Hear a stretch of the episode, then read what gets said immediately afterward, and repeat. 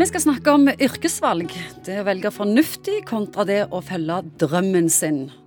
Og det er ikke så altfor lenge siden Aslak Sira Myhre gikk ut og sa ikke fyll drømmen din. Har du unger, vær så snill, ikke råd de til å følge drømmen. Psykolog Egon Hagen, hva mener du om det? Ja, jeg har ment mye om dette tidligere. Jeg har sittet med mange studenter opp gjennom og sagt at uansett altså, hva følger liksom, følg hjertet ditt og sånn som dette. Og, Skal vi følge drømmen eller strømmen? Ja, sant. Og, det, og akkurat nå så er jeg blitt eldre og kanskje ser de forandringene som vi har i samfunnet. Så jeg vet ikke om det er spesielt godt råd, egentlig. Fordi at eh, det å være herlig naturlig og Dette er ikke et samfunn som er styrt av bivoks og jordfarger. Det er ganske tøffe realiteter som mange står overfor. Og det å følge drømmen din kan jo være kjekt der og da, men du skal jo faktisk ha deg et arbeid.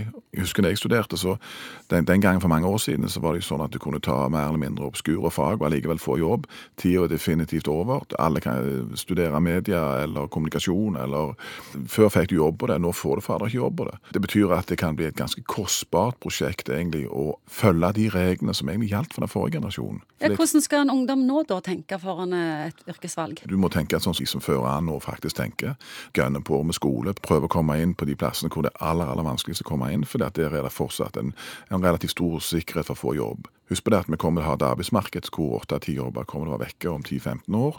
Og hvis du da har sovet i timen og vært herlig naturlig og tenkt at verden er et terapeutisk samfunn og alle er snille, så tror jeg at du kan gå på en smell. Det er jo ikke tall på hvor mange ungdommer som uh, har uttalt at de vil bli rike og berømte. Ja, det er liksom og de sånn... føler seg så unike, for det har mor og far sagt. Ja, ja, så unike, sant? og den der far, far, kan jeg synge? Altså, alle tror de kan synge, for det har foreldrene sagt de kan synge, men de kan jo ikke synge. og De skal være så unike. og det er jo faktisk et statistisk formessighet at de fleste av oss blir relativt gjennomsnittlige.